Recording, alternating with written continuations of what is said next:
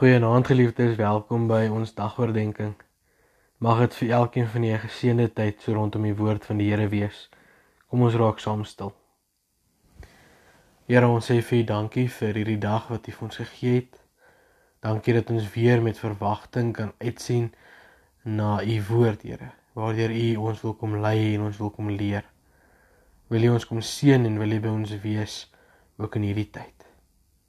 Dankie vir die voorreg wat ons het om ook nou saam mekaar rondom u woord stil te word. Ons bid dit in u naam alleen. Amen.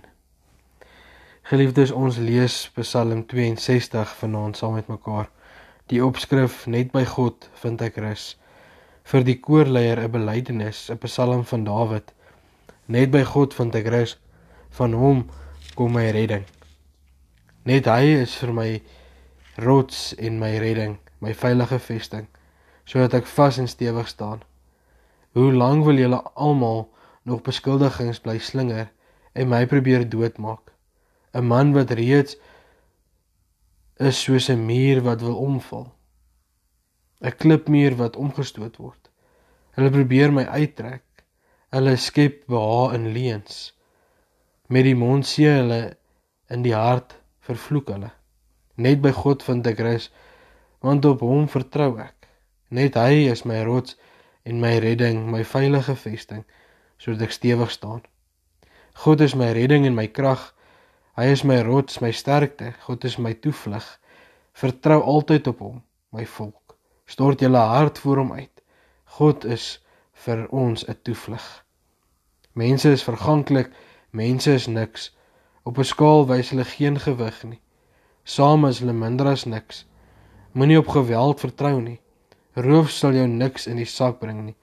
As jy rykdom, as jou rykdom toeneem, moenie dat dit jou te na aan die hart lê nie. Een ding het ek God hoor sê, nee twee, dat net God mag het en 'n mens net op U Here kan vertrou en dat U met elkeen handel volgens sy verdienste. Ons lees tot sover. Geliefdes, hierdie Psalm kom druk iets van 'n vaste geloof wat Dawid gehad het terwyl hy in 'n situasie van groot uitdagings verkeer het uit. Dit gee aan hom nie net 'n rustige sekerheid nie, maar dien ook as 'n getuienis en 'n bemoediging van die geloofsgemeenskap. God is vir almal 'n veilige vesting. Daarin kan 'n mens rus vind. Reg deur hierdie Psalm is een ding duidelik wat ons kan opmerk en dit is dat dit 'n belydenis is, maar ook 'n bemoediging. En dat dit dan juis in die liturgie gebruik is as getuienis aan die geloofsgemeenskap en dat die Psalm eers in die laaste vers amper so asof ons dit kan miskyk oorgaan tot 'n gebed aan God. As ons kyk hoe die Psalm saamgestel is, dan kan dit uit drie dele bestaan. En ons sien dit deur die selas wat ons sien in ons teksgedeelte, maar ook in die herhalende frase van verse 2 en 6 waar daar staan net by God vind ek rus. As ons kyk na die drie dele, dan gaan die eerste deel oor die woorde net by God vind ek rus.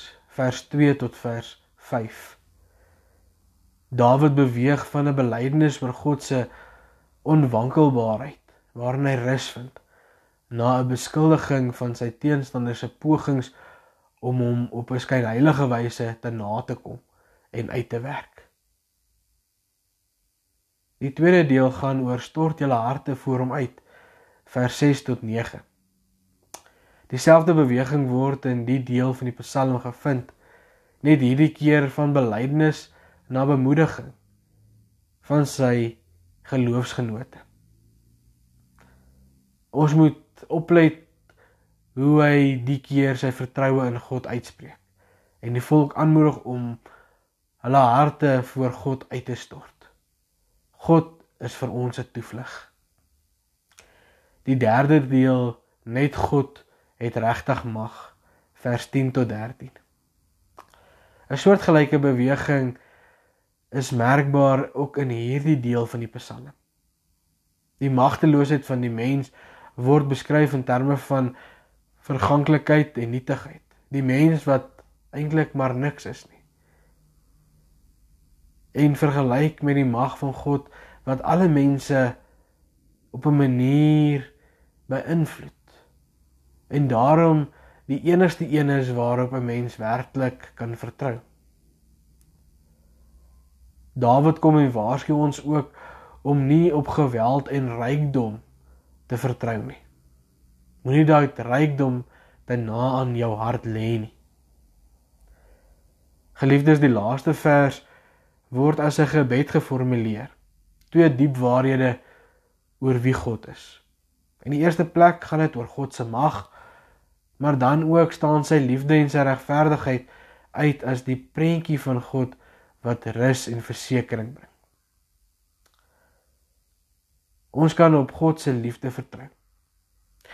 As ons kyk na wat sê die oorspronklike Hebreëus dan lei die eerste deel soos volg en aan U Here behoort liefdestrou. Wat beteken dat God se loyale liefde die basis van ons bestaan is? Loyale liefde. Die punt van hierdie uitspraak van God is dat 'n mens op die getrouheid van sy liefde kan staatmaak. Dit is iets wat vir my en vir u vas staan. Daarom kan ons op God se liefde vertrou. Ons kan op God se regverdigheid staatmaak. Die tweede deel van die vers sê dat u met elkeen handel volgens sy verdienste. Geliefdes, hierdie perspektief op God kan baie keer verkeerd gehoor en verstaan word. In die oorspronklike Hebreëus word die woord werke gebruik en eerder nie verdienste nie. Die fokus van die vers word eintlik meer op die billikheid en regverdigheid van God ge gelê. Dit dien tot 'n versekering en 'n bemoediging wanneer mens aan die kortste end trek in 'n verhouding met ander mense. God het die mag om die laaste en finale keuse en uitvloeisel en regte laat geskied. Dit lê in hom opgesluit. En dit is juist daarop wat ek en u kan staat maak. Die gedagte van Psalm 62 vers 13 het wyd in die Nuwe Testament ook neerslag gevind. God tree billik op teenoor alle mense volgens die som totaal van hulle werke, die nalatenskap van hulle lewens. Die manier hoe hulle werke na vore gekom het. Ons kan dan tot die gevolgtrekking kom dat ons dade dan ook belangrik is vir God. En dit is duidelik. Die gedagte is nie dat ons daardeur iets verdien nie. Dat kan ons ook nooit dink en aan vashou nie. Want op die einde van die dag, dit wat ons van God ontvang, kom vanuit sy genade en sy liefde. En ons verdien dit nie. Maar dit is tog duidelik dat daar niks is wat geloof so duidelik kan beklemtoon na vore kan laat kom as dit wat ons doen wat God van ons vra nie. En dit is op die einde van die dag wat ons ook moet doen. As daar gepraat word van werke of dan verdienste, dan gaan dit om te doen dit wat God van ons verwag. Omdat dit vir God belangrik is, omdat dit is wat ons geloof in hom kom bevestig. En geliefdes, mag ons dan ook vanaand by Psalm 62 aansluiting vind en sê net by God vind ek rus. En hoekom? Omdat ek my vertroue alleen in hom en in sy liefde stel. Amen. Kom ons bid saam. Here, dankie dat ons weer vanaand uit u woord mag stil word en kon saam lees en kon hoor Here dat u liefde, u regverdigheid, u mag ook waar is vir ons. Here, wil u gee dat ons op so 'n manier sal lewe elke dag dat ons geloof juis na vore kan kom deur ons gehoorsaamheid in die manier hoe ons lewe omdat ons U daardeur wil verheerlik en U daardeur wil erken as God en Vader van ons lewe. Here, wil U met ons wees vanaand, Here, terwyl hierdie woorde ook in ons gedagtes bly maal en wil U gee dat ons ook aansetting sal vind by hierdie Psalm te sê net by U vind ons rus. Mag ons ons vertroue in U liefde en U grootheid stel. Here kom beskerm en bewaar ons, kom ons vas in U liefde en kom gee dat ons ook vanaand 'n geseënde en 'n verspoedige nagrus sal geniet, Here, tot die opbou en die uitbou van U koninkryk van die dag van môre. Ons loof en ons prys U naam en ons gee alleen aan U die eer. Amen. Geliefdes, mag jy 'n geseënde aand geniet by die huis. Groete.